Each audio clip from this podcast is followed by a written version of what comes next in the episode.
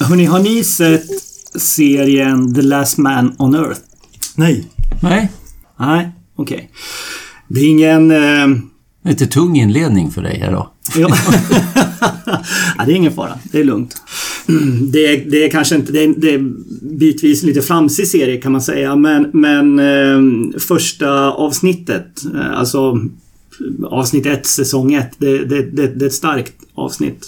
Det handlar om... Eh, Ja, men vi, vi befinner oss i Nordamerika. Det är en planet som inte längre har någon befolkning överhuvudtaget. Och, och, och, och kvar finns, finns liksom en ensam man i, i 35-årsåldern. Och den här stackaren, han gör ju vad han kan liksom för att få dagarna att gå. Och inledningsvis i avsnittet så får man följa med honom. Han åker liksom land och rike runt där mellan alla delstaterna i, i USA i en buss som han har snott. En stor, en stor jävla buss. Och den där, eh, han plundrar museer och institutioner på såna här, ni vet, kulturskatter och, och liksom nationalklenoder eh, som han liksom bussar ner till ett mansion som han har tagit över nere i Tucson, i, nere i öknarna där nere. Och han, han, han snor liksom målningar från såna här stora amerikanska mästare. Han, han snor sarkofager med mumier från museer som han hittar. Och han går runt med Neil Armstrongs rym, rymddräkt på sig, ni vet. Och han har liksom en hylla med Oscarsstatyett Oscarsstatyetter och han har ett T-rex-skelett som han hittade liksom någonstans som han har liksom bärgat ner. Och han kör runt i, ni vet, Tillbaka till framtiden. Doktor, vad heter han? Emmett Brown heter han va? Hans DeLorean, ni vet. Den kör han runt i liksom på dagarna som man har hittat i, i Hollywood där. Och, ja, men han, han, han, har, han har en skön tid för sig själv och, och äh, grabben är ju ganska, han är ju ovårdad, han är liksom orakad och klädd i kallingar och kängor liksom. Och, och lever rövare. På kvällarna sitter han och dricker sån här, ni vet 900 dollars viner samtidigt som han sprutar sifongrädde i munnen och groggar det där. han, eh, ja, men han, han har the time of his life. Är det här liksom. P1-kultur? Eller vad är, Ja. är det pjodden? Nej, ja, precis. Ja, jag, ska, jag ska försöka knyta ihop det här Det snart. låter Men, inte men, riktigt som P1-kultur heller tycker jag. Ja, nej men ni vet, en, en, sen, liksom en dag, det här är fortfarande i avsnitt ett. det, så jag har, jag fortfarande inte, prodden. Ja, just det. Jag har inte spoilat någonting härifrån ifrån serien. Men en dag där så bestämmer han sig liksom för att avsluta det hela. Han har tröttnat på det här i alla fall. Så eh, han liksom rusar bilen i full fart mot en klippvägg ute i öknen. Men liksom precis liksom innan bärväggen, innan den där eviga vilan för honom så, så ser han liksom en liten rökpelare från en lägereld några kilometer bort. Ja, liksom under, under bråkdelen av en sekund liksom så hinner han nita bilen. Han inser ju att det är någon där. Han är ju inte ensam. Och han tar sig bort till det här stället liksom och smygkikar bakom klipporna där liksom och, och där liksom ser han liksom en välstädad liten, liten campingplats med ni vet, en tvättlina som hänger där över ställningen. Och han har ju hittat, han har hittat världens sista kvinna.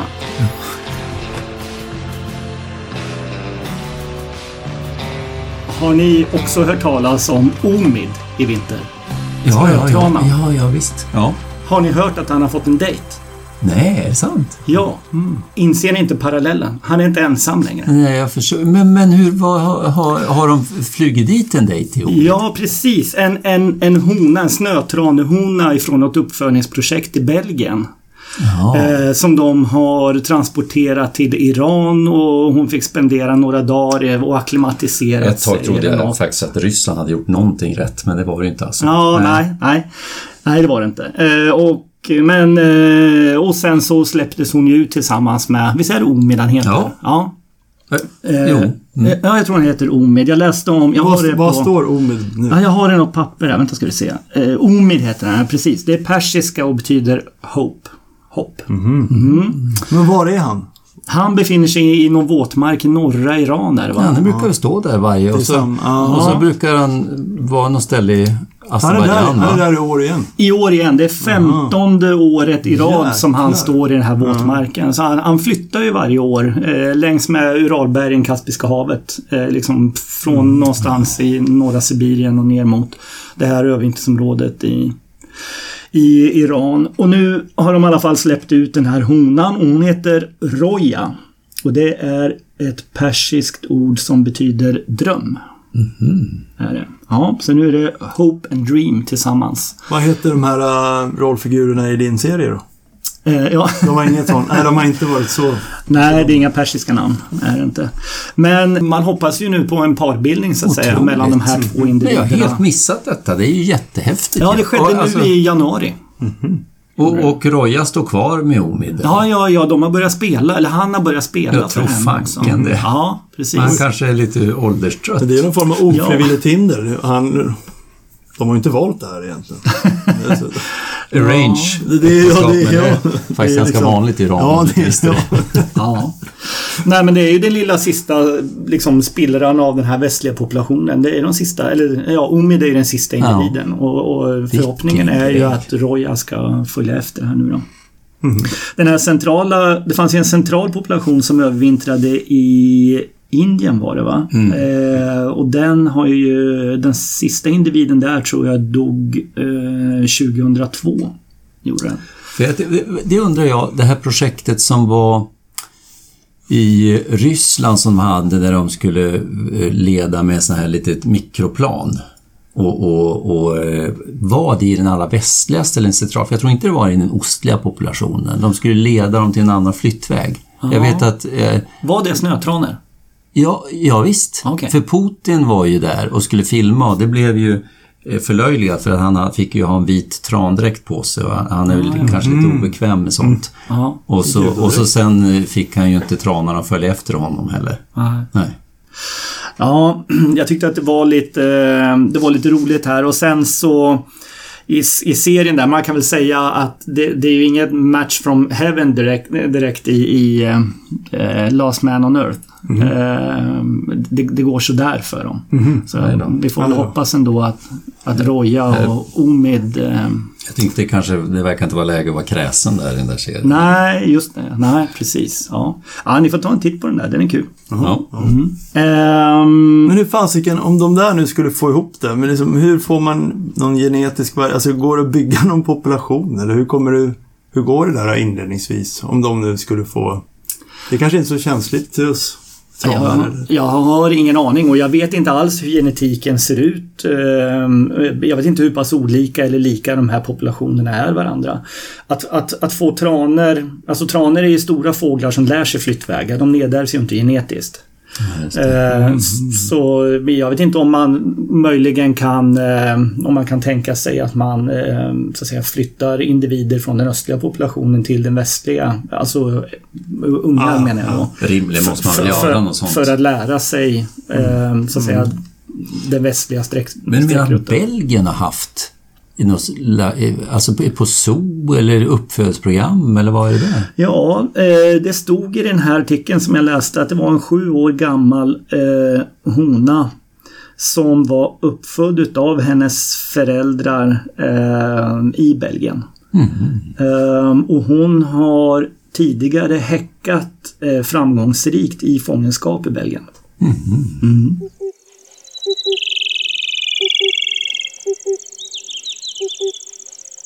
Jaha, är det någon som vill eh, börja någonstans kanske?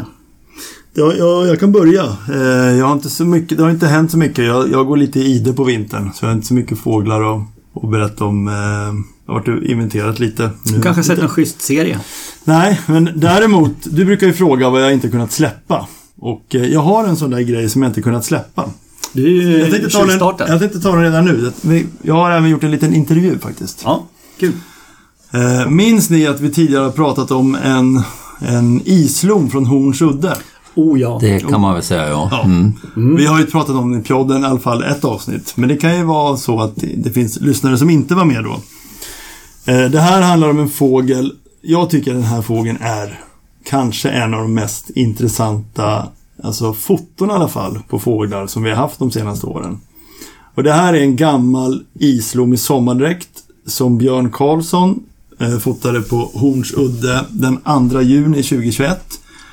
Den kom flygande ganska nära på, i ett morgonljus. Eh, klockan var väl, ja var 04. Eh, fast det är ju början av juni. Så det är ändå ett litet morgonljus, men ändå medljus. Och eh, han bränner av, han hinner inte titta så mycket. Han fotar den här mest. Och det finns foton på Artportalen, vi kommer länka dem till den här. Men det här är ändå, vi alla vet ju att islommars näbbar kan lura oss i olika ljus och framförallt på håll och, och så vidare. Och att det är lommar som har bestämts eh, från att de har passerat en udde av olika personer till det ena och sen till det andra. Det är ju en klassisk bestämningsproblematik. Mm. Men det som jag tycker är intressant med det här fotot, det är att fotona är ändå den är alltså ganska nära och det är ganska bra foton. Mm. Om än då kanske ett mor tidigt morgonljus. Det är alltså en, en adult islom i, i sommardräkt på nära håll i medljus. Ja. Eh, och eh, vi hade, jag vet att när det då begav sig så jag vet att när vi tre fick se de här fotona från början så tänkte vi ja men det är klart det måste vara en svartnäbbad. Alltså, i de, under, de här under de här förhållandena så är det inget att snacka om. Och sen var det då, det var många som tyckte så, men det var också några som tyckte, nej men det här är en vitnäbbad. Och det var lite så här, man började undra, vänta ser jag inte? Vad, ser jag, vad är det jag inte ser? Och sen förkovrar jag sig den här och man börjar titta på andra detaljer. Men, men eh, det intressanta är ju fortfarande hur den här näbben upplevs olika av olika personer. Man ser olika saker när man ser bilderna. Eller så är man bättre på någon form av extrapolering i huvudet. Jag vet inte. Jag måste säga att min egen förflyttning kring uppfattningar gick ifrån fullständigt oförstående hur det kunde vara något annat än svartnäbba till att nu, är, alltså efter som du säger, att titta på den och vänta på uppvaknandet tycker jag att den är ju problematisk och det, det finns väldigt mycket vitnäsa. Men att det skulle vara en ren vitnäsa utan hybridenslag eller, eller en mörknäbbad vitnäsa det har jag fortfarande, det, det är för mig det går inte att förstå. nej, nej, men det, det, det är intressant. Men däremot ja. att sitta och säga att det är en okomplicerad svartnäsa, det, det, för mig är det en jättelång förflyttning att, ha, att ha, förändra mig så mycket. Men sen att mm. liksom vara övertygad om att det är en ren vitnäsa, det, det begriper jag fortfarande inte. Men det som har hänt nu då, nu har i alla fall den här uh, publicerats, för det är i samband med fågelåret, det var då jag fick upp ögonen igen för den och tänkte nu måste den här, nu måste ju RRK Öland ha bestämt sig för hur de ska publicera den. Och eh, den nämns ju inte i fågelåret för det är så många islommar. Men hem, när man går in på Artportalen så kan man se att eh, RRK Öland, som jag tolkar det, har publicerat den som en obestämd islom. Mm. Och det, personligen tycker jag det är bra. Jag vet, jag vet själv inte vad jag, vad jag tror att det är. Eh, för jag kan tycka att den är jag, kan, jag vet vad jag tycker om att näbben borde ha sett mera, sett, sett mera gulvit ut om det var vitnäbbad. Det tycker jag nog fortfarande, men samtidigt så tycker jag att det finns karaktärer som talar för vitnäbbad. Och, eh, men då tyckte jag det var lite intressant att intervjua en person som jag vet verkligen tycker vitnäbbad. Ja, alltså min, min spontana tanke när jag såg den först, första gången var ju att det här måste ju vara en vitnäbbad. Jag har då pratat med Hans Larsson om den här. För det är intressant att höra hans tankar. Han är ju en rutinerad streckskådare och mm. målar fåglar och, och, en ödmjuk person. Det kanske är alltså, lite som du säger, alltså, det, är en, det är en vattendelare. Att har man tagit den ena vägen så kanske det är svårt att komma bort från den. Uh, och jag har liksom kommit in på den här vitnäbbade vägen och, och har har, kämpar för att liksom eh, känna mig, känna mig liksom säker på att det skulle vara en svartnäbbad eller, eller ens att, att, det, att det borde vara troligare med en svartnäbbad. Jag, jag, jag tycker det är skitjobbigt att, att komma och byta väg där. Liksom. Jag, jag kanske har kommit för långt på den vitnäbbad vägen. Liksom. Den har svängt av. Man får ju mer och mer ångest ju mer man kollar på den. Det är ju som med Framförallt när det är ett begränsat antal bilder.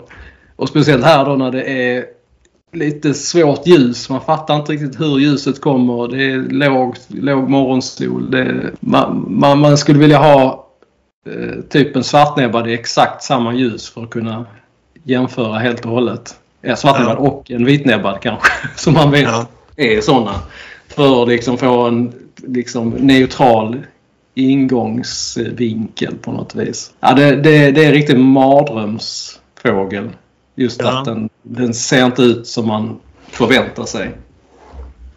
Men känslan bygger du på, alltså inte bara på näbb utan även något annat också eller? Det är någonting med huvudformen där. Den, den känns, alltså den är rätt så jag vet inte, ganska slank hals på något sätt. Eller liksom eh, toppigt huvud. Mm. Det är lite så här eh, smålomsvibb. Jag tycker vitnäbbar kan ju påminna lite om smålom Mm. i, Ja, i formen. Jag vet också när jag kollat, jämf- alltså tagit fram någon svartnäbba, jag har tagit fram där och kollat variationen så ser man ju att ja visst, de kan ju också se Ja. rätt slanka och liksom speciella ut. Eh, dra ett vitnäbbad, absolut. Så att det är ju, ja det är, det är liksom en, det är liksom en känsla. Sen har, har jag också det här, det är en sån här mental eh, bild av, av vad som är okej eller liksom vad som är troligast. Och då känner jag ju att eh, ja, en, en, en, adult islom som sträcker mot nordost eh, på, på, på, i Östersjön i maj. Upp, Va? upp, upp, upp. Det får man inte väga in. Nej, man får ju inte det. Men, eh, men det, jag kan inte släppa det heller. Det, det är Nej. liksom... Det bara är så att, ja, jag, jag, jag, jag, tror nog att man, alltså man kan nog på papper, alltså statistiskt kan man nog hitta eh, att, att eh, statistiken talar förkrossande eh, för vitnäbbad. Alltså om man skulle kolla på, på fynden där. Eh, för att i- åtminstone här i Skåne har man en islom eh, som, som sträcker norrut. Ja, om man skulle ha den i Östersjön. Det är inte så jättevanligt men eller söderut då i Öresund, att den är på väg in i Östersjön. Ja, då är det ju i princip vitnäbbad. Eh, men däremot de här fynden av sträckande adulta svartnäbbade som vi har i maj. Där är ju majoriteten ändå att de sträcker söderut längs Östersjökusten, alltså på väg ut ur Östersjön. Eh, och sen då finns det några observ av nordsträckande fåglar i Öresund eller västra Skåne. Eh, så att det, det är liksom sån... det är bara en sån här eh, för, förutfattad mening jag har som jag har svårt att släppa. Men det, ska, det kanske vi ska lägga till sidan. Men om man lägger, precis, man kanske när man diskuterar den här, för jag tror att det, eller det som är intressant är ju det här med att, att det är nog svårt för vissa att liksom komma över den där pucken att, att det är en vitnäbbad. Eh, för jag har ju kollat ner på halsfläcken och det är ju en del fot, eh, ganska många foton.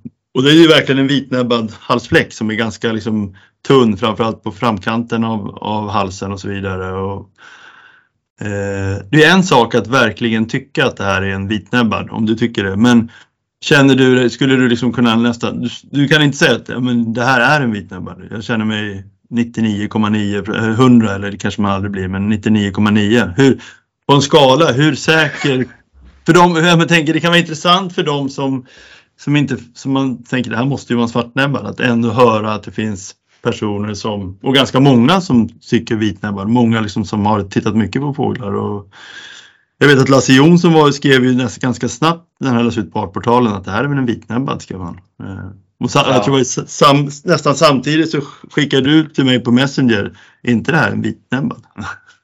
Ja, ja, ja. Ja. Ja, jo, eh, jo precis. Alltså jag kan ju säga eh, först att jag är väldigt glad att jag slipper handskas med den här. Alltså officiellt. Ah, okej. Alltså att jag inte sitter med i RK Öland eh, till exempel och, och måste ta liksom så här ja eller nej beslut. Eh, Ah. det, är ju, det är ju mycket bekvämare att bara sitta på läktaren här och spekulera. Men, men, men om någon liksom tvingar mig att, att, att svara Ja. eh, så, så, så svarar jag ju vitnäbbad. Eh, Jag tror som sagt, som jag tolkade Artportalen så har ju RRK Öland valt att publicera den som obestämd islom. Så kan man också göra ja. Ja. det fanns en... Det fanns en Ja, tycker, du, tycker du det var, hade du gjort likadant om du satt på RRK Öland? Ja, men det Nu har- det, nu har jag plockat att ner Jag var från glad att läktaren. jag inte satt vid Öland. Alltså det, ja, nej men... eh, eh, ja, det hade jag kanske gjort. Alltså jag, jag tror det är svårt. Det är kanske svårt att ha en hel kommitté som är, som är överens om bestämningen. Liksom. Alltså, och, och då får man kanske ta den eh, tredje utvägen helt enkelt. När man tittar på den här så tycker, ser man ju hur fjädrarna på, på buken eller på undersidan är liksom vita och, och vilket är man, man föreställer sig att de här, de här fotona ger, ger mig, en, gör, ger mig liksom ett underlag där jag kan göra en ganska rättvis bedömning av alla karaktärer. Men att näbben då på något sätt, man ser inte det här gulvita liksom som, som blänker som man föreställer sig att man ska göra. Kan det vara så att om man säger själva materian i näbben jämfört med en fjädermateria, eftersom det är så vanligt att sådana här vitnäbbade verkligen kan plötsligt bara bli, alltså man har ju hört många historier om folk som har sett sträckande fåglar och där plötsligt bara en svartnäbbad vips blir en vitnäbbad. Alltså det kan mm. vara att vinklar och sånt med ljuset, hur det faller, är att det skiljer med materian i näbbmaterialet, liksom en, en fjäder. Förstår du vad jag menar? Jo men precis, alltså det, det är ju eftersom jag då argumenterar för vitnäbbar så tycker jag det låter skitbra. Att, att eh, liksom fjädrarna fångar upp solljuset här på ett annat sätt än vad näbben gör. Eh, mm. och det, det, kan ju också vara att, att på något vis att näbben hamnar lite i skugga av någon anledning. Eh, medan fjädrarna inte gör det. Alltså, ja, du har ju en väldigt liten träffyta på, på näbben. Ja. Lite, speciellt framifrån då, eller snett framifrån. Medan du har en lite större träffyta på kroppen. Alltså de har ju rätt så rejäl bred kropp också eh, i slumman. Så att det, det kanske är det som spelar in. Det är ju inte, alltså jag tog fram lite bilder från norra Norge eh, som jag tog på sträckande vitnäbbade och, och där hittar man ju några liksom vinklar och, och, och exponeringar där, där näbben ser rätt så, alltså så här, kanske inte riktigt lika hemskt ut som, som den här eh, Ölandsfågeln men ändå drar åt det hållet liksom att det, mm. det, det, ligger liksom lite skugga och ja. Mm. Eh, inte helt självklart liksom att, mm. att det är en stor vit, gulvit lysande näbb liksom. Jag tänker i och med att det är så flera bilder här, man tycker att det kan inte ligga i skugga i alla här liksom, så det borde ju vara Ja, men det kan det. Kan, alltså, jag tycker näbben pekar ju i stort sett i samma vinkel lite hela... Ja. Men, ja. ja. ja hade, hade det varit en... Hade inte solen varit uppe den här morgonen, hade det bara varit liksom neutralt ljus så hade vi aldrig haft den här diskussionen kanske. Då hade, vi, då hade man ju fått svaret liksom. Ja. Och då hade, då hade de, de anhängarna för svartnäbben sagt ja, då hade det inte varit något snack om svartnäbben. ja, precis. Och tvärtom. Ja, tvärtom. Ja, ja. Kul att höra dina tankar här. Ja, eh, ja. Det, det, är skönt att släppa ut dem lite grann. Samtidigt så varje gång man blir påmind om den här så mår man lite dåligt. Alltså så här, det, det, den, den, ja. Det, det, är, det är jobbigt med svårbestämda fåglar. Speciellt alltså, som du sa också att det, det är inga dåliga bilder egentligen. Det är, det är ju det är nära avstånd och det är ja, jätteläcker obs liksom på alla sätt. Så det, det, gör det extra jobbigt. Att inte kunna ja, ja. känna sig liksom, ja, 110 procent säker liksom. Mm. Jaha, det var, det var ju faktiskt väldigt, det var intressant att höra eh, Hasses redogörelse här. Samtidigt så jag hörde precis som du sa innan att en viss ödmjukhet även från vitnäsefalangen här, om jag ska vara helt ärlig. Det läste jag in i detta. Så mm. eh, faktiskt. Är alla vitnäseförespråkarna lika ödmjuka som Hasse? Det vet inte jag. En sån koll har jag inte på. Eh, det kan jag inte säga. Men, och det kanske är... Ja, vem vet? De kanske har påverkats av någon person, om det är Lars Jonsson eller Hasse. Jag, jag kan inte svara på det, men det är ju flera som tycker ändå att det är en vitnäbbad. Ja, och det, det, kan man, kan, man kan gå in och läsa på en. Det finns en tråd, om man, man klickar fram det här fyndet. I artportalen? I artportalen, ja. ja. Mm. Eh, där kan man se hur, hur vissa resonerar. Ja. Men, men, men, men, tror ja. ni om man skulle hålla för eh, kroppen på den här fågeln, eh, om man bara tittade på näbben. Tror ni att eh, vitnäsefolket fortfarande tycker att det är en vitnäbbad rislom då? För i sådana fall då är vi ju liksom vid de här gamla vad heter de? Kommer ni ihåg de här? Laurel och Jenny. Jenny ja. Och, och, och, är den blå eller guldfärgad? Och klänningen, mm. precis. Exakt. Men jag alltså, tror, jag tror ser vi dem olika eller, eller handlar det om mer än så? Jag tror, inte, jag tror inte man kan jämföra med dem. För att vi ser ändå Fast vi har ju samma bilder. Alltså, fast, fast de, de är ju inte helt irrelevanta att ta upp i sammanhang. För de är, det var ju när man själv slog om mellan till exempel det här, hur ja. man kan tycka, hur samma ljud kan uppfattas som Laurel ja, och Jenny. Ja. Det kan man ju inte teoretiskt förstå. Men sen själv så Ena dagen hörde jag det andra och, och helt omöjligt förstå hur man kunde, hur, mm. det var Jenny och, och, andra dagen var det tvärtom. Mm. Eh, eh och det här för mig för jag kan säga så här, det, fin, svart, det finns ju ganska många ur svartnäbbad falangen som inte alls är ödmjuka kring detta utan är ju, det, det är liksom kan inte för sitt liv förstå. Jag, jag, jag är nästan så... Jag, jag, fågeln ser stor ut och kraftig ut och har vitnäsa giss köper jag absolut. Men att få detta till en ren vitnäsa, precis som jag sa innan, det, det, kan jag bara inte få. Det går inte. När man tittar på bilderna. Nej, en, en normalfärgad En normalfärgad vitnäsa. Nej, och jag inte minst svårt med efter den här debatt, eller den här diskussionen som var, då dök det ju upp bilder på det som tolkas som hybrider va, från Nordamerika. Mm. Eh, och, och de är ju det är ju väldigt likt. Eh, det kan jag definitivt få den här näbben som, alltså någonstans mittemellan. Eh, en sån där eh, svart, grå, gul sak. Det, det skulle det kunna vara naturligtvis. Men, men sen, det är lättare att googla upp på bildgoogla upp islomsnäbbar som påminner mer om den här än vitnäsenäbbar. Det kan jag väl i och för sig tycka. Mm. Ja. men jag tror man väger de, jag, tror, jag tror ingen säger att det är normalfärgad för det här vägs säkert, liksom, man extrapolerar väl lite mm. grann, giss, gissar jag. Men oavsett hur man landar, det, det som, alltså kontentan är väl egentligen att vi har Lommar tycker ju väldigt många är kul att titta på. Det är ju läckert att mm. bestämma lommar och det det som är liksom bara eh, teasern här tycker jag, det är som eh, Ja, att man kan, att man kan få den här så olika, personer kan uppleva den så olika och egentligen budskapet är ju bara hur ödmjuka vi alltid måste vara mm. med någonting som vi också gillar att titta på. Det är väl hög andel som gillar att titta på lommar och diskutera lommar. Mm.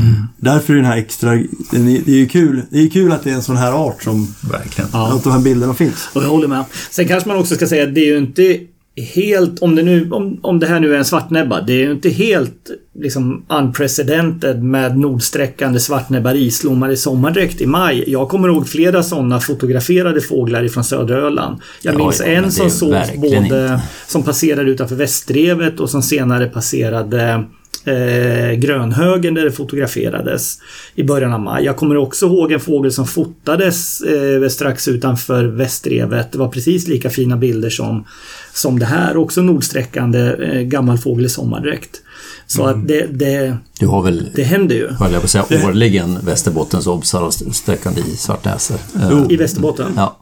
Men samt, jo, jag förstår. Men, men, men det är klart att sannolikheten, det, det är klart att det är fler vittnen. Jag, jag gissar att Hasse framförallt menar de här som verkligen drar. För det är ju inte många du har följt på flera punkter. De här, det här verkliga draget av en sträckande islom är ju, är ju inte oftare i svartnäbbar. Nej, det håller jag med om också. Men, men om, om man vill eh, argumentera emot dig ja, Mats, då skulle ja. jag kunna säga att vi har ingen aning om vad den här fågeln gjorde. Den kanske landade efter 800 Precis. meter. Ja, ja, mm. ja, och det kanske är ganska sannolikt om det är en svartnäbbare.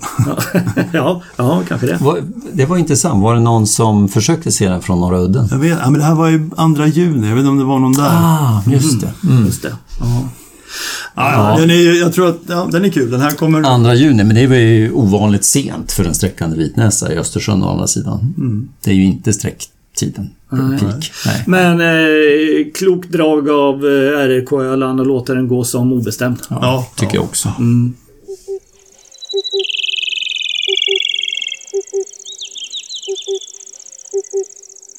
Jaha hörni, ni vet att jag ibland inför pjodd eller emellan pjoddavsnitt försöker på ett extremt osystematiskt sätt bevaka om det kommit någon liksom vetenskaplig litteratur inom fåglar och det blir oftast taxonomi som jag tycker i så fall kan vara lite kul. Mm. Och, och, det, och så dyker upp, eh, numera tycker jag en del på, på Twitter, britterna är pigga på Twitter och sådär mm. när det är fåglar. Så det, ibland ser man några tips där om artiklar och eh, det är en, en, eh, en forskare som heter Jente Ottenburg som, som har en, en Twitterkonto, jag tror det heter Avian Hybrids eh, som är taxonom. Jag vet inte alls vem det är, eller känner honom inte, men han lägger ut väldigt mycket intressant. Och i eh, vad jag förstår så har han eh, hållit på med ett projekt om taxonomi kring gäss. Och så publicerade han en artikel. Nu. Är det prutgäss nu igen? ja, I wish. Eh, nej, faktiskt så handlar det om ansergäss den här gången. Ja, okay. och, ja, och han eh, publicerade en artikel i en tidskrift som heter BMC Ecology and Evolution och det var 19 januari. Och den är tillgänglig för alla. Den heter Highly Differentiated Loki Resolve Phylogenetic Relationship in the Bean Goose Complex. Så det handlar alltså om sädgäss. Mm. Och jag är ju inte så bevandrad i det här med taxonomiska begrepp och så, utan jag tror att det är som, som hobbyskådare så får man ta in, eh, som intresserad hobbyskådare försöker man liksom ja, förkovra sig i det så långt man, man hänger med. Och jag, jag tycker den här var lite intressant Ehm, för, för ehm, inte minst bara hur, hur sädgäss tycker jag är, är rolig på många sätt med tanke på att vi har skogssädgäss, vi har ju fabalis i, i norra Sverige och så har vi ju tundrasädgäss som har ändrat uppträdandet i Sverige ganska, eller dramatiskt under ens egen skådartid. Ju. Den, den mm, har ju blivit ja. Supervanlig. Minns ni, det var inte länge sedan Håkan Delin skrev en bestämmelseartikel i Fåglar i Stockholmsakten tror jag det var, där det i stort sett gick ut på att den var extremt sällsynt i Sverige och flyttade ju inte förbi. Och det var säkert sant på den tiden, men så är det ju inte långt ifrån. Det är ju helt, den är ju dominerande under höststräcket. Mm. Man är ju snarast glad när man får se skogssädgäss på Öland i alla fall. Det var inte länge sedan jag läste Håkans artikel och jag tror den står sig ganska bra idag. Mm. Äh, än, än, än, idag så att säga. Som bestämningsartikel? Ja, ja, ja, ja. precis. Mm. Ja. Nej, det tror jag säkert. Eh, och sen har jag förstått, och det här kan, ja, jag har mer skummat artikeln än läst den i, i detalj och själva poängen är ju inte att komma med alla eh, genetiska teknikaliteter och, och, och, glitchar här utan försöka eh, sammanfatta det här på något enkelt sätt. Men eh, vad jag förstått genom historien så har det varit, sädgås har varit komplicerat att eh, liksom återskapa släktskapet med. Och, och då pratar jag just mellan tundra, sädgås och sädgås. Och olika tekniker att titta på genomet ger lite grann olika resultat och framförallt så har det liksom spetsbergsgås eh, har strukturerat upp sig som det man kallar då monofiletisk taxa. Så den, den, den grupperar sig rätt bra medan då eh, tundracellgås och särgås har varit betydligt sämre och man har inte riktigt kunnat utreda hur det är inbördesförhållanden där. Och när jag pratar om inbördesförhållanden så menar jag liksom det ursprungliga evolutionära trädet hur de här taxa bildades, så att säga. För det är ju på något vis för att återskapa det ursprungliga artträdet, så att säga, mm. har det varit svårt med den gängse eh, eh, taxonomin.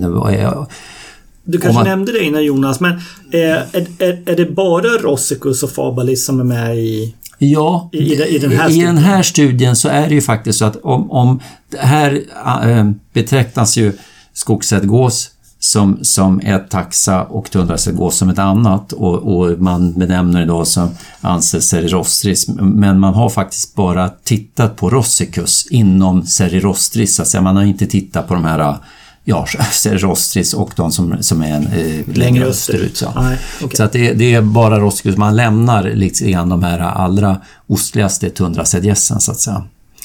Men det man ha, ha, och, tidigare då när man tittat på det som då heter mitokondrie-DNA eller tittat på andra olika gener i kärn-DNA så, så har, har, inte det här varit en tydlig bild. Och då har man använt istället då i den här metoden någon som har identifierat i, i sägosgenerna så kallade högdifferentierade gener, det vill säga där som variationen är som, som störst, vad jag förstår det som. Och så har man det genom, och så är det då lite matematiskt och starka statistikverktyg för att, och, och eh, datorkraft för att få fram eh, i den här stora eh, eh genomdata. Så har man ändå, menar man, om man argumenterar på ett tydligt sätt som jag inte kan gå in på för jag kan inte den här tekniken, men det låter övertygande att ja, men här har vi nog återskapat trädet precis som, som det har varit. Och då är det så att alltså skogssädgås och spetsbergsgås är varandra närmaste släktingar. Mm. De är syskon, eh, syskontaxa.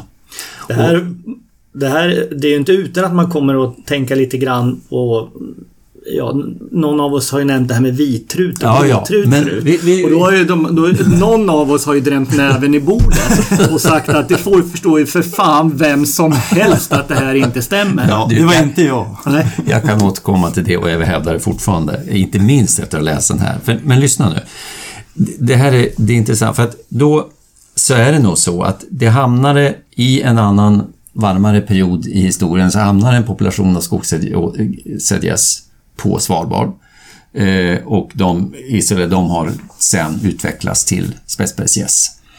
Eh, och även då eh, efter det hände så har, eh, ja det ska jag inte säga om det efter, men, men vad ska jag säga, i en annan process har tundrasädgås separerat sig från, vad ska jag säga, ursprungs Spetsbergs skogsädgåsen. Men det som hände sen, och det som har hänt, är att, och inte minst ungefär för 60 000 år sedan, så har det blivit en väldigt stor hybridisering mellan skogs och tundrasädgås. Fast de ursprungligen separerade så har det, har det blivit en stor mix däremellan och det här har på något vis, och det, det var framförallt då de tar upp det bland annat för en, en, en stor kontakt mellan skogs och tundrasädgås för 60 000 år sedan och då, då blev det här den tydliga uppdelningen mycket svårare för de här är ju så in, mixade genetiken mellan då tundra och sädgäss. Men med den metod de har använt så menar de att det ursprungliga evolutionära trädet är att skogssädgås och spetsbergs, de eh, är vad ska jag säga, syskon och sen är eh, tundrasädgås syskon med de två så att säga. Men hur man nu ska se på det idag, då, då, då, det blir ju då svårare med tanke på den interogression, alltså det genutbyte som har varit historiskt mellan tundra och skogssädgås. Så de tycker att släktskapet beskrivs bäst i termen av ett filogenetiskt nätverk. Och man blir lite lätt matt, kan jag tycka. Alltså det, det blir inte lättare det här för en fågelboksförfattare, någon sån här hobbyskådare som en annan, att, att hur ska vi tycka det här då? Eh, jag tycker att de har beskrivit det snyggt hur evolutionen har varit kring de här. Och det var lite nytt, tycker jag, med just det här Spetsbergs och Skogsädgås, att det, de är närmare eh, släkt. Va? Och bara för att möta upp det där med det, det, jag blir bara ännu stärkt av det med tanke på att, att eh, när man började använda genetik för, för eh, taxonomiska studier, vilket den här idiotartikeln av påstående att vitrut skulle att nordamerikansk vitrut skulle vara närmare släkt med nordamerikansk gråtrut än med vitrutarna från, från Eurasien. Det, det vidhåller jag fortfarande förstår varenda människa att det är helt fel. Det beror ju på att man tittade på jag antar i det fallet kanske mitokondrier. Alltså, det har givetvis varit en mix någon gång i tiden i ganska, mellan gråtutorna och nordamerikanska vitrutor. Så har man tolkat fel. Det, det är inte, det, man kunde ju uppenbarligen inte använda mitokondrier för, för att återskapa sädgödseln.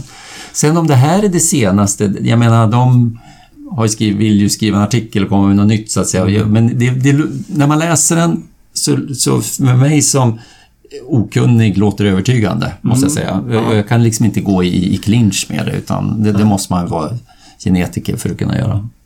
Hur, eh, har de med några andra utgrupper så att säga? Jo, några andra men det har de. Jag tänker på bläsgässen till exempel. De, de har tittat på dem också.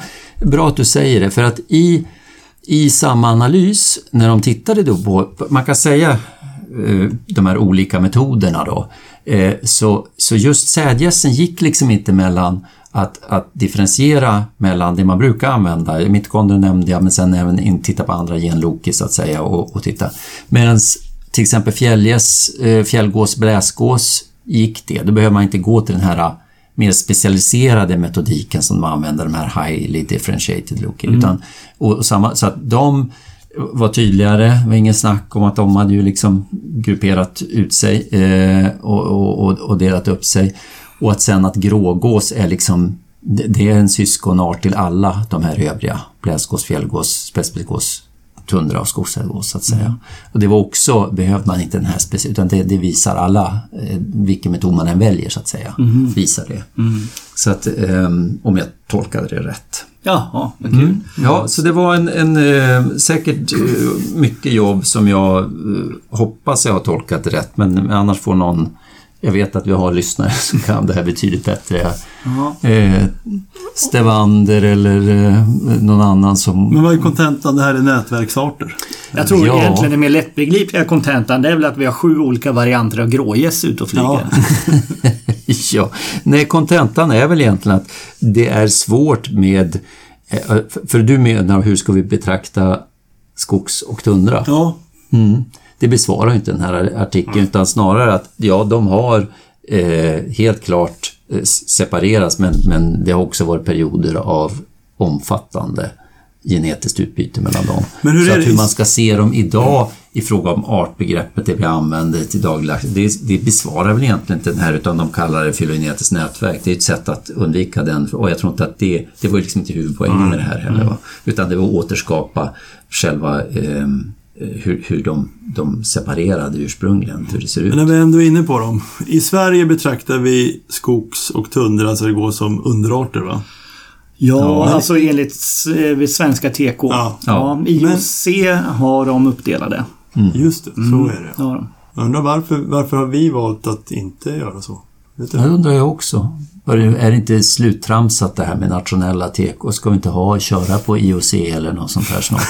Oj, nu blir det känsligt där kanske. Ja, men jag tror det hänger inte allt egentligen på den här... Eh, det är väl fortfarande ett par år kvar med arbetet med den här globala listan som... Eh, Ja, men togs inte det nästan något slags eh, inriktningsbeslut på IOC eh, sist? i- Det var väl på konferensen i eh, Ja, Vancouver där va? exakt. Jo, precis. Men jag menar, man trollar ju inte fram ett sånt samarbete. Nej, det- det, det, det, är ju en, det är en arbetsprocess som tar några år. Precis. Och jag kan tänka mig att när man väl når eh, så pass långt, då får man väl liksom fundera igen på hur man ja, liksom har byggt upp systemet med taxonomiska Mm. kommittéer och auktoriteter och så.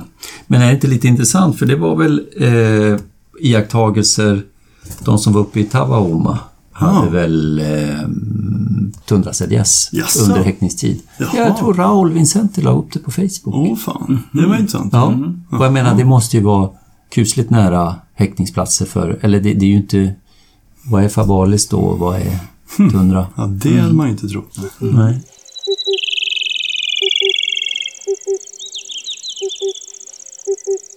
En, en, eh, ro, ett roligt fynd som vi ändå måste kommentera som, eh, under vintern här, det var ju en tundrasnäppa i Bohuslän. Just det. Eh, jag var inte så aktiv på, på internet eh, under den här perioden så jag har inte tittat så noga på det men jag tänker att det var en, en, i ren vinterdräkt och jag kanske missade om det pågick, om det var någon diskussion. Alltså den, den här ser ju jättefin och i form och så vidare ut som en tundrasnäppare, tundrasnäppa men eh, det är ungefär i paritet med den här rödhalsade som också var i ren vinterdräkt för några år sedan. Eh, när man har de här små, små snäpporna så är det alltid lite jobbigt när de är i ren vinterdräkt. Alltså min... Jag säger inte emot på något sätt. Jag köper alla gånger att det är en tundrasnäppa. Men jag tycker att man har alltid det här att det kliar lite när man inte har något mer att gå på. Kan man, hur känner man sig hundra? Ehm, alltså jag, ja, återigen, jag ifrågasätter inte men jag tycker ändå det kan vara kul att höra om det var det någon diskussion ens? Det kanske aldrig pågick någon diskussion på... Jo, men det gjorde det ju de första dagarna. Eh, Ja, och, eh, men eh, jag tror att en, jag tror ganska mycket av diskussionen, som jag upplevde det, så stannade den av eh, därför att det kom ett utlåtande från Kilian Melani. Mhm, okej. Gjorde det. Och då tror jag, efter det upplevde jag i alla fall att det stannade av lite grann. Ja. Ja. Men jag tror, och, och, jag, jag har printat det.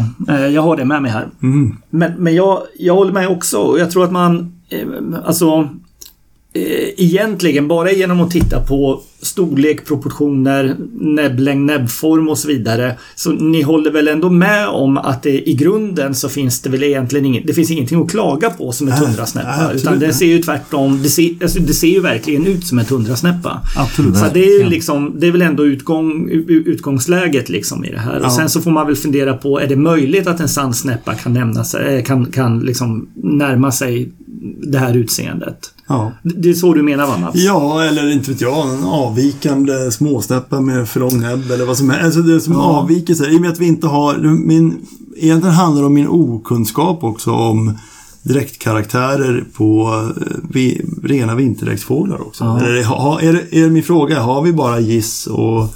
Ja, för Eller har vi- dräktkaraktärer, är det någonting överhuvudtaget? Jag vet inte. Det är jag var lite nyfiken på. Ja, Få lä- snart. få lära mig. Ja, just det. Ja. Nej, jag, jag kan snart... ehm, jag ska nämna lite grann vad, vad Kilian eh, sa här. Men hur var det? Sågs det några semipalmationer? Sågs det någon simhud liksom på, Jag har ingen aning. Jag har ingen på den här? Jag, jag bara tänkte på alternativet småsnäppa som du tog upp.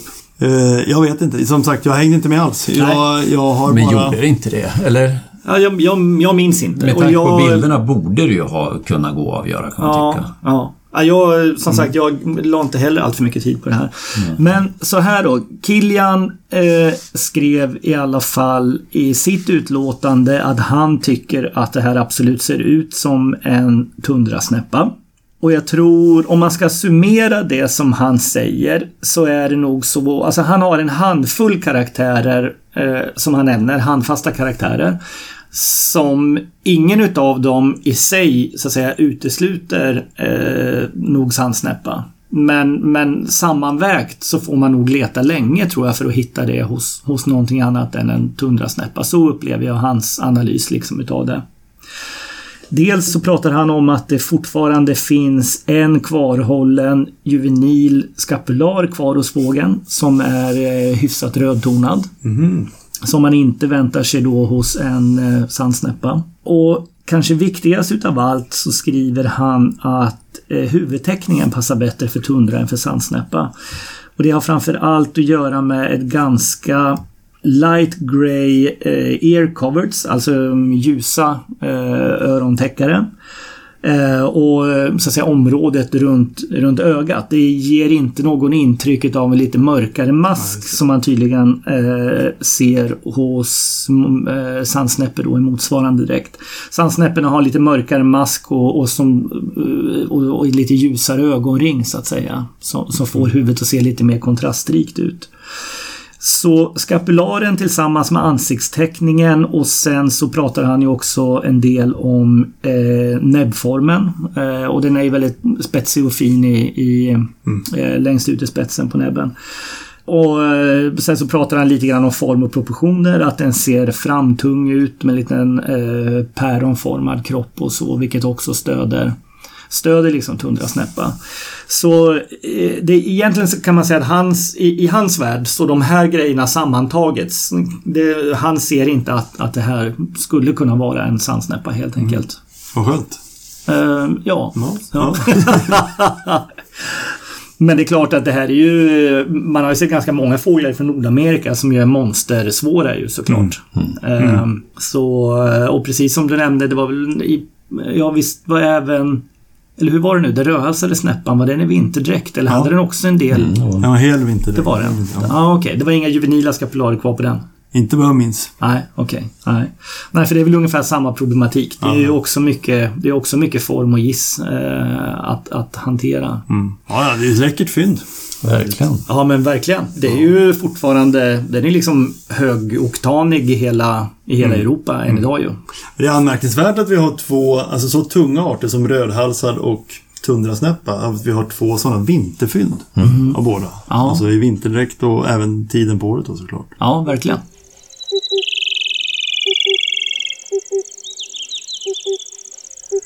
Jaha, och sen så har vi väl... Eh, vi kan ju inte låta bli va, att nämna rubinäktergal i Trollhättan igen. Ja. Har ni tittat något närmare på fågeln? Nej. Nej, nu alltså mer än att det mest övertygande att det, det måste vara samma var att den sjöng med kamerasluta ljud. Ja, men gjorde den det? Har, har den hörts göra det? Alltså, det var, det var någon som skrev det på Facebook. Jaha, det har jag missat. Nej, men visst, så, så var det. Ja, ja, ja. Men är, är inte det å andra sidan en ganska billig... eh, Jag menar, är, är det, är det ett, ett starkt argument egentligen? Jag menar, den här fågeln har ju också nu spenderat en och en halv månad med kamerasmattor. Jo, men detta var någon av de första dagarna. Eller, eller det är inte första dagen, men det var ganska tidigt. Jag, jag tycker nog att det var ganska tungt. Och så är det väl en... en det är ju inte långt emellan heller. Nej, nej, nej. Hur långt är det mellan dem? Jag tror att det är i runda slängar. Det är inte en mil. Mhm. Eh, Jag tror, att, jag tror att vi pratar 7-8 kilometer eller någonting sånt. Eh, och i, i, på de första, det dröjde ganska lång tid innan det kom bra bilder på den. På, på de första, eller under den första veckan, eller veckorna till och med, så avslöjade ju bilderna inte eh, särskilt mycket liksom vad det gäller eh, eventuella kvarsittande juvenila täckare och sådana saker. Det, skulle man gissa så skulle man nog gissat att det var en gammal fågel men det dröjde länge innan det kom riktigt bra bilder. Men här om veckan så kom det bra bilder ifrån eh, Andreas Gullberg Jäklar. som var på plats. Åh, herregud. Är det där en fältbild på den fågeln? Ja, det är jag, nu har jag beskurit den. Eh, för att bara zooma in på handtäckare och större täckare. Men det här är ju uppenbarligen en gammal fågel. En, en, en adult individ, alltså en, en 2 plus, ja det är nu 3 plus till och med efter årsskiftet här. Ja. Så en gammal fågel är det och där, ja, därmed så kan det ju naturligtvis jag inte bara kan. Däremot så tror jag att man ska hålla det för högst sannolikt att det faktiskt är samma... Är det din nya skärmsläckare nu eller? Adulta på... Åh. Jag tänker, jag, vi var på väg mot ett avsnitt utan täckare och rugggräns, men det, det sket sig. Det blev ingen ja. rugggräns, men det blev täckare. Ja, täckare, det är sant. Ja, det är sant. Ja, men, eh, nej, men givet att det är en adult fågel, att den dyker upp på en fågelmatning 7 kilometer från i fjol. Och eventuellt då, om du då har rätt Jonas, att det är så att den sjunger med, med kamerasmattor också. Det är ju, håller ni inte med om att det är självklart att det här måste betraktas som Jo. en och samma fågel? Verkligen, men jag vet vad jag eh, kom på som borde vara väldigt intressant. Nej. Det är ju, du minns när den började sjunga, den upptäcktes ursprungligen i Vänersborg. Då, då kunde man väl, jag kommer ihåg rätt, lät den inte, sjöng den inte med Humej och det var något, var det rödpips man hör? Eller det var, jag, jag kommer inte riktigt ihåg, men det var ju Östle Arte. Och den sitter ju uppenbarligen nu i dagarna och har börjat sjunga för fullt. Ja. Nu skulle det vara intressant. Tänk Ja, om just det är liksom... eh, Svartvit flug och rödstjärt. Exakt, va? Rödstjärt och svartvit flug och, Ja, och ja. inte vet jag, bofink och, Ja, och det vore ju jättespännande. Ja, just det. Var tror ni att den här har, om ni får gissa fritt, var tror ni den har spenderat sommaren? Ja, men i, i nordost. Va, va, vadå nordost? Ja, men, Ryssland alltså? Det- ja, eller ja, Finland, Ryssland, Ja. norra Sverige. Ja. Ja. Eller är det... Nej, jag det är har ingen intressant. aning. Nej, inte jag jag, tycker heller. det skulle vara jätteintressant. Du få vara så på. säker på det. Ja. Vad fan vet du om det? Nej, men det vore spännande att se om det är en sån här som håller sig kvar i ursprungsområdet men bara flyttar sydväst så att säga. Ja, precis. Ja, de häckar ju, de häckar ju inne i Europa. På europeiska sidan av Ural, så att säga. Gör de. Så, eh, ja, vi vet. Den, den kanske... Det kanske är en föregångare. kanske blir Rubinäktergal, kanske den nya taigasången. Ja, Men det blir som du säger Jonas, det är skitspännande att höra vad den härmar Ja, nu när den är igång. faktiskt. Ja. Den, den eh, verkar väldigt oskygg också. ja. Det är ju inte gott om den här typen utav fynd utav återvändande tättingar. Nej, Alltså du. tättingar som återvänder mellan säsonger. På samma sätt som har konstaterats, ni vet, med rovfåglar och vissa måsar och vadare och sådär. Har ni, eh, kommer ni på några exempel? Ja, jag kom inte på, men jag pratade med Magnus Elving han kom på ett tillfall. Eh, och och det, var, det var ju i år också tallsparv i, i Nordanås. Ja, just det. Just det. Förut mitt föräldrahem. Oj då, se där. Ja. Ehm, och sen har vi väl också den här ehm, östliga gulärlan nere i Trelleborg. Ah, Just. Som väl också kom tillbaka två, två vintrar i rad, va? mm, det har du rätt i. Ja. Ja. Och sen så ska man kanske också nämna, nu minns inte jag om det var Frankrike eller Spanien, där de ju en vinter fångade och ringmärkte en gammal taigasångare som ju kom tillbaka om det var följande vinter eller två vintrar senare, äh, återfångades, samma individ på samma ställe. Så det är ytterligare, ytterligare en sån, ett exempel på återvändande tättingar. Kanske finns fler om man spånar längre än så. Ja, precis. Jag, jag tänkte på den här artikeln vi redogjorde för om, men det är ju liksom, det blir ju inte raritet det, men, men det borde ju vara kring större piplärkorna som övervintrar i Europa, numera i Frankrike och i Spanien. De, de, det var ju gamla fåglar och de, de, övervintrar ju där nu helt enkelt, en ny flyttrutt. Precis. Ja, vad roligt. Eh, vi får hoppas på en tredje vinter för Ruben, eller vad han kallas. ja, precis.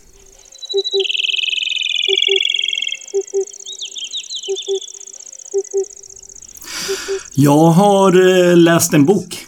Ja, Ja, Strikes of the World. En eh, ny upplaga utav Norbert... Eh, ja, hur uttalar man efternamnet? ja. Le Franc. Ja, på svenska. Lefranc. Ja, Lefranc. kan inte franska. Nej, inte jag heller. Nej. Lefranc. Norbert Lefranc. Ja, det, ja, är den ja. Ja, det, är ju, Ah. det här är ju alltså en eh, ny utgåva utav eh, boken som kom ut 1997. Mm. Det, och det är Lefranc här då som har skrivit texten och sen så är den målad utav Tim Warfolk. Jag, jag hade ju den tidigare upplagan Eh, från 1997 men jag bläddrade snabbt igenom eh, den här och insåg att jag ville ha den också. Den är lite eh, tjockare eh, än den gamla upplagan. Lite mer text både i artkapitlerna och i inledningskapitlerna. Eh, och sen så har alla planscher målats om. Eh, alla planscher är uppdaterade och eh, eh, jag tycker Tim Warfolk har gjort en otroligt fin prestation i den här och de planscherna är både Ja men de är vackrare än tidigare, man upplever dem lite mer korrekt och det är liksom ett rikare bildmaterial på fler dräkter också. Och så finns det ganska många trevliga eh, Utanför de här ordinarie eh, planscherna så finns det ganska många illustrativa eh, små såna här vignettteckningar eller små detaljteckningar ni vet i marginalerna och så också. Och, Vad sa du, hade de foton med i första utgåvan? Nej, så Nej, det, det är det också var nytt, nytt med, Ja, med det. foton. Ja. Här, är- ja. Och jag tycker också att de är föredömligt försiktiga. De har skrivit presumed eh, Mm, på... bra.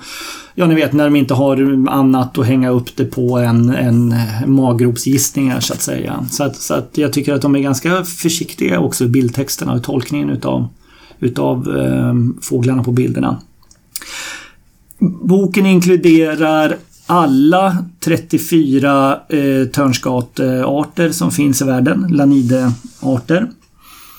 Ehm, och i grunden så måste man väl säga att det är en bestämningsguide men det finns ganska mycket annan liksom, rolig biologi och sådär och livshistoria summerat i, i boken också. Eh, jag ska också säga det att på Facebook för några månader sedan så valsade det runt eh, några eh, exempelplanscher, bilder så att säga från eh, Tim Warfolks eh, foton från Tim Warfolks målningar. Och eh, de var eh, otroligt varma. Alldeles för varma. Det, det, det var så att man funderade på om man ska de överhuvudtaget trycka boken liksom om det verkligen ser ut så här. Men eh, så upplever jag inte slutresultatet. Det, de, de är inte alls liksom så groteska i färgsättningen, i färgmättnaden som de var på de här provplanscherna. Så jag tycker att det är en... Eh, Ja, jag tyckte att det där var en lite värdefullt tillskott i bokhyllan. Och sen fick jag lära mig lite nya grejer också. Eh, lite sån här, eh, vad kallas det, klassisk naturalhistoria om Törnskatorna och eh, det finns bland annat lite kapitel om eh, Törnskatornas dåliga rykten genom historien. Det var faktiskt väldigt trevligt att, att läsa eh, och tillsammans med rovfåglar så har törnskartorna varit betraktade som ganska skadliga fåglar som eh, med alla medel skulle elimineras i, eh, liksom med, med motiveringen att, eh, eh, att man skulle skydda eh, jaktbart vilt, ni vet och så. För det, det här såg man liksom som en stor eh, ja, ett, ett hot mot den lokala faunan så att säga. Eh, och det finns exempel på författare som har skrivit bland annat att eh, de vanliga törnskatorna försöker att locka till sig andra småfåglar med deras eh, sång genom att imitera deras sång. Eh, och och, och, och därigenom så att säga få fåglarna att närma sig dem för att kunna döda dem. Och det finns uppgifter från 1800-talet eh, nedtecknade där de skriver att eh, varfågelföräldrarna vill att ungfåglarna ska närvara vid själva slakten utav fortfarande pulserande kött. Helt enkelt liksom för att höja deras blodtörst liksom och göra dem till, till bättre jägare. Och eh, ifrån Nordamerika till exempel så finns det dokumenterat att det var skottpengar på, eh, på deras Loggerhead Strikes. Eh, runt Boston till exempel. För där var man rädd att de skulle förstöra de nyetablerade populationerna utav The English Sparrow, gråsparv, som man hade planterat ut i Bostonområdet. Så där var det skottpengar på, på, på dem för att, för att de skulle för att skydda gråsparvarna. Ja, det är lite kul. Och sen så läste jag också bland annat att det ifrån Polen finns ett dokumenterat fall där törnskata och taltrast har lagt, bo i samma ägg, eller lagt ägg i samma bo menar jag. Eh, tyvärr så eh, hann det aldrig kläckas därför att det prederades utav eh, någon form av däggdjur. Och sen så skriver de lite grann också, och det är ju faktiskt skojigt, den här relationen mellan törnskator och andra, eh, andra arter i samma, samma buskar. Just det. Ni vet, till, i Sverige har vi exemplet törnskata och höksångare. Ja, verkligen. Eh, man ser nästan aldrig en högsångarbuske utan att det sitter en törnskata strax intill och varnar och så. Och eh, det här är intressant. Dels så kallar de det för ett antipredatormutualism. Eh, och det finns också dokumenterat att högsångare som häckar i närheten utav törnskator får ut fler ungar. Men eh, det här förhållandet, mutualismen här, finns också mellan andra törnskatearter och, och, och, eh, och andra arter. Visste ni till exempel att det finns motsvarande dokumenterat mellan varfågel och björktrast? Nej. Och sen ytterligare exempel är rödhuvad törnskata och herdesångare. Och sen så vet jag att jag har läst någonstans, men jag hittade det inte här i boken. Jag har hört samma sak nämnas mellan masktörnskata och mästersångare. Nere i Sydosteuropa och i Turkiet. Och sen så eh, vet jag själv eh, i, eh, ni vet, i, i, i Sibirien. Eh, brun törnskata har ju motsvarande förhållande med tjocknäbbad Ja, sångare. det har jag sett. Ja, precis. De, de, eh, det häckar nästan alltid bruna törnskator där du hittar eh, tjocknäbbade sångare. Och det är lite kul. Jag kan tänka mig att mm, djupdyker man i den här typen utav liksom, samverkan mellan arter kan man säkert hitta fler exempel bland törnskatorna också.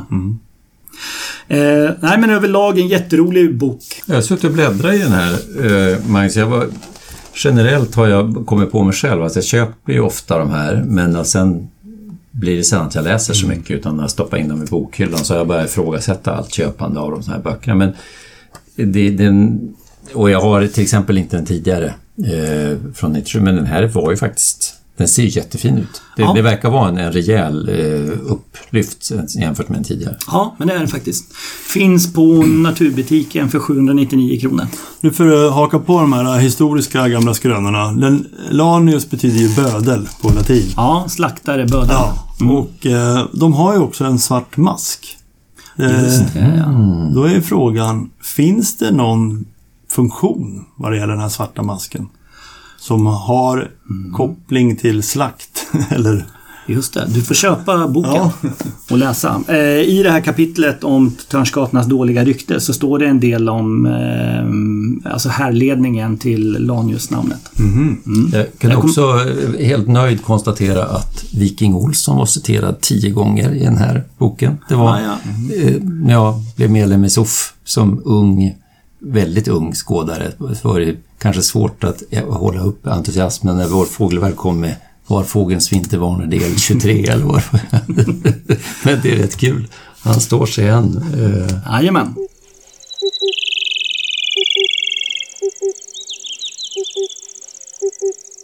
Jaha, då är det nog dags att höra vad ni inte har kunnat släppa. Jonas, du, du ser tom ut. Eh, Lite tom. Eh, ja, jag, jag kan på, på fem sekunder nämna i, i den här artikelsvepet gjorde jag. Det, jag vet inte om det var så himla kul, men, men det var en, en artikel om, eh, om havsfåglar och hur de undviker eh, orkaner och, och hur de är anpassade till eh, vindar. Ja, Och det var... ehm, eh, ja, nu har- har jag glömt författare och allt det här, men det var en nyligen publicerad eh, artikel och, som hade tittat på, jag tror det var 18 eh, havsfågelarter, alltså eh, lirer och, och albatrosser, men även då tropiska arter som sulor och fregattfåglar. Och sett att eh, om hur, hur eh, alltså formen och, hur, och flyktsättet, hur anpassat det är till vindhastigheterna där de, där de häckar så att säga och där de näringssöker. Och om jag nu kommer ihåg rätt, kontentan av det hela var väl egentligen att de i, när de är i sin hemmiljö så att säga, där de näringssöker, häckar, eventuellt så, så, så är de ganska oberoende av, av vindar. De är rätt anpassade till de rådande normalvindarna som, som, som blåser där. Men då har man en liten diskrepans för att de, alltså, det, det blåser ju mest på södra halvklotet i, i alltså de här roaring 40, 50, 60 där va. Eh, och där är ju albatrosser och, och petreller är ju väldigt anpassade till de här väldigt starka vindarna. Men som mest blåser det ju tropiska orkaner. Och, alltså eh, kring ekvatorn. Eh, och men det är väldigt ovanligt. Eller det, det, det blir vanligare och vanligare med, med, klimatförändringar. Men då var det så att eh, medans eh, där blir det väldigt vanligt att, att fregattfåglar, sulor, de de åker stora, som flyger väldigt stora omvägar. När de märker ju att det är på gång en orkan och då gör de väldigt stora detourer för att försöka slippa det. För de, mm. de klarar ju inte av de vindarna. Ja. Eh, medans eh, albatrosser bryr sig betydligt mindre om det. Men man hade ändå sett att eh, de hade en tendens att när det kom riktiga lågtryck och riktiga orkanvindar när på södra, så, så var det bland annat där Indien Yellow-Nosed Albatross, jag tror var någon annan lite mindre, jag tror Streak Shearwater som hade sett det eh, också, att de, de, de, många flyger rakt in i orkanögat så att säga. Mm. Eh, och, så, och så följer de med ett tag där. Och det där tyckte de var intressant för det där beteendet hade man sett även när orkanen hade en styrka som de borde kunna klara av så att säga. Så fanns det någonting där. De hade ändå ett, ett litet sånt escape-beteende som var lite roligt att de hittar av det där så att säga. Mm. Ja. Så det var väl det. Och det, har jag, det var inte så mycket inte kunnat släppa, utan var bara en liten rolig detalj. Men jag fick ni höra det. Ja, men det var kul. Mm. Var det. Mats?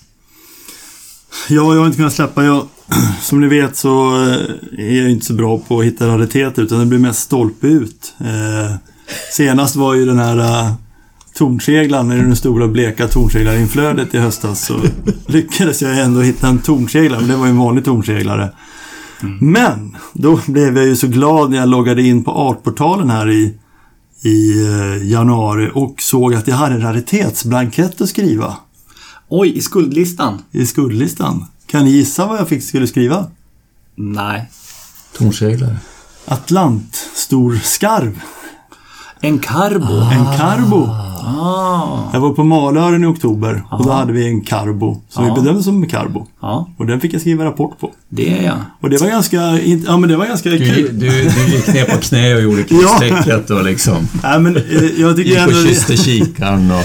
jag tycker ändå det är ganska roligt med, med de här storskarvarna och då Eftersom jag inte har varit så mycket i Norrland så tyckte jag det var lite kul nu att gå in och kolla vad händer egentligen? Hur, vad har vi för flöde in av Atlantstorskarvar i, från Nordnorge rakt in över eh, liksom Lappland och så vidare? In i Bottenviken? In i Bottenviken, ja. ja.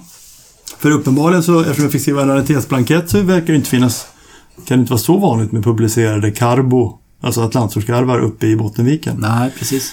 Men det var det kul att kolla att det är ju, man kan gå in och kolla på parportalen. Då ser man, om man söker på eh, på liksom, fynd av storskarv så ser man att det är en hel del fynd i de här uh, sjöarna uppe i Lappland. Så att, uh, och så kollar jag lite på foton och där är det i alla fall ett foto på en som jag tycker ser ut som en karbo. Ah, ja. uh, men sen har jag även hittat foton på sådana som jag tycker ser ut som sinensis där uppe i norr också. Så ah. där uppe har man väl båda två gissar jag. Men, men jag tyckte det var kul att få, dels att få se i årportalen att vi har ett, ett uppenbarligt passage av Karbo in i Bottenviken. Ja. Hade du foto på din fågel? Jajamensan. Tack för det. Jag kan lägga upp, jag kan lägga upp, vi kan lägga upp den på, om ja. man tycker det är intressant. Ja, mm. då får du kommentera det också. Ja, jo, men jag har faktiskt lagt in... men lagt... Mats, jag, jag, alltså, vi äh, tänkte nog inte så mycket på saken men, men äh, nu börjar det vara 26 år sedan jag flyttade från Västerbotten men, men på den tiden var ju storskarv mycket ovanligare och hade liksom inte börjat anlägga kolonier som det är nu. Men då tolkade vi som att det bara var karbo vi såg. Okay. Ja, men, eh, och då, då, var det ju ingen, verkligen ingen vanlig fågel. Mm. Mm. Hur, hur, ofta såg du då? Då, då fanns det inte alltså sinensis, ja. men var det år, såg du årligen storskarv? Ja, det gjorde man, det gjorde man. ju. Eh, men minnet började svikta kan jag säga. Men, men, eh, hur långt upp gick sinensis då? då? Det vet jag inte. Upp, Uppland? Längre än Ingen aning. Alltså det vi pratar 90-tal då. Ja men då, hade de väl, då, var, då fanns de en bit upp längs Norrlandskusten. Ja, de kanske nått Umeå. Det kanske de gjorde då, precis. Men det var ju inte några nå, nå kolonier att tala om. Nej. Ja. Ja, vi får väl se om det blir godkänt. Det blir väl stolpe ut, den blir säkert inte godkänd. Ja. Jaha. Jag har också en grej här som jag har haft lite svårt att släppa. I augusti i fjol så gjordes det, den nordamerikanska kontinentens andra fynd utav brun kärrhök. Eh, det var en fågel som hittades i Maine uppe i nordöstra USA. Där den stannade några dagar. Sen så försvann fågeln men hittades någon vecka senare i norra delen utav New Jersey. Den passerade liksom söderut förbi New York-området kan man säga. Och eh, det var ju spännande i sig men ytterligare en vecka senare den 19 november så eh, var det ett flygplan från United Airlines som eh, eh lyfte från Chicago och skulle ta sig till Newark i eh, södra New York-området. Och eh, ungefär 15 kilometer innan Newark flygplatsen så smällde den med en fågel. Planet landade och så. Blev inte skadat överhuvudtaget. Men eh, man samlade ju in eh, köttslamser eh, ifrån... Eh, Inget hände sa du. Och så, Ja, förlåt. Jag menade... ja, ja okej. man samlar ju aldrig på fåglarna. Nej, nej, nu känner jag mig taskig här. Ja. Ja. Eh, Men köttslamser ifrån eh, jetmotorn skrapades upp och skickades till Smithsonian Institution, The Feather Identification Lab. Och det visade sig att det var en brun kärrhök. Otroligt. Ja. Eh, ja, så tragiskt nog. Eh, kontinentens andra bruna kärrhök slutade i en jetmotor utanför Newark. Jäklar. Ja. Ja, Vilken grej. Ja, så kan det hända. Och eh, kollisionen hände på ungefär 1000 meters höjd så den var ju högt upp och snurrade. Ja, verkligen. Jaha, hörni. Men eh, vi kanske var klara då eller? Ja, alltså vi kan ju inte ha ett avsnitt utan att prata melanitta tycker jag. Alltså jag... Och om, vi nu, om vi nu inte har någon melanitta att prata om, det, det har, skulle vi säkert ha haft, men det är snart dags. Det är ju det. Det är Ja. bara en månad så börjar de dra. Ja, knappt det ens en gång ju. Ja. Eh, vi har ju haft stora siffror redan kring den, eller strax efter 20 mars. Ja, grym vårkänsla idag faktiskt. Ja. Nästan 10 grader varmt. Nästa gång blir det melanitter. Ja. Fjodden. Gött! Bra.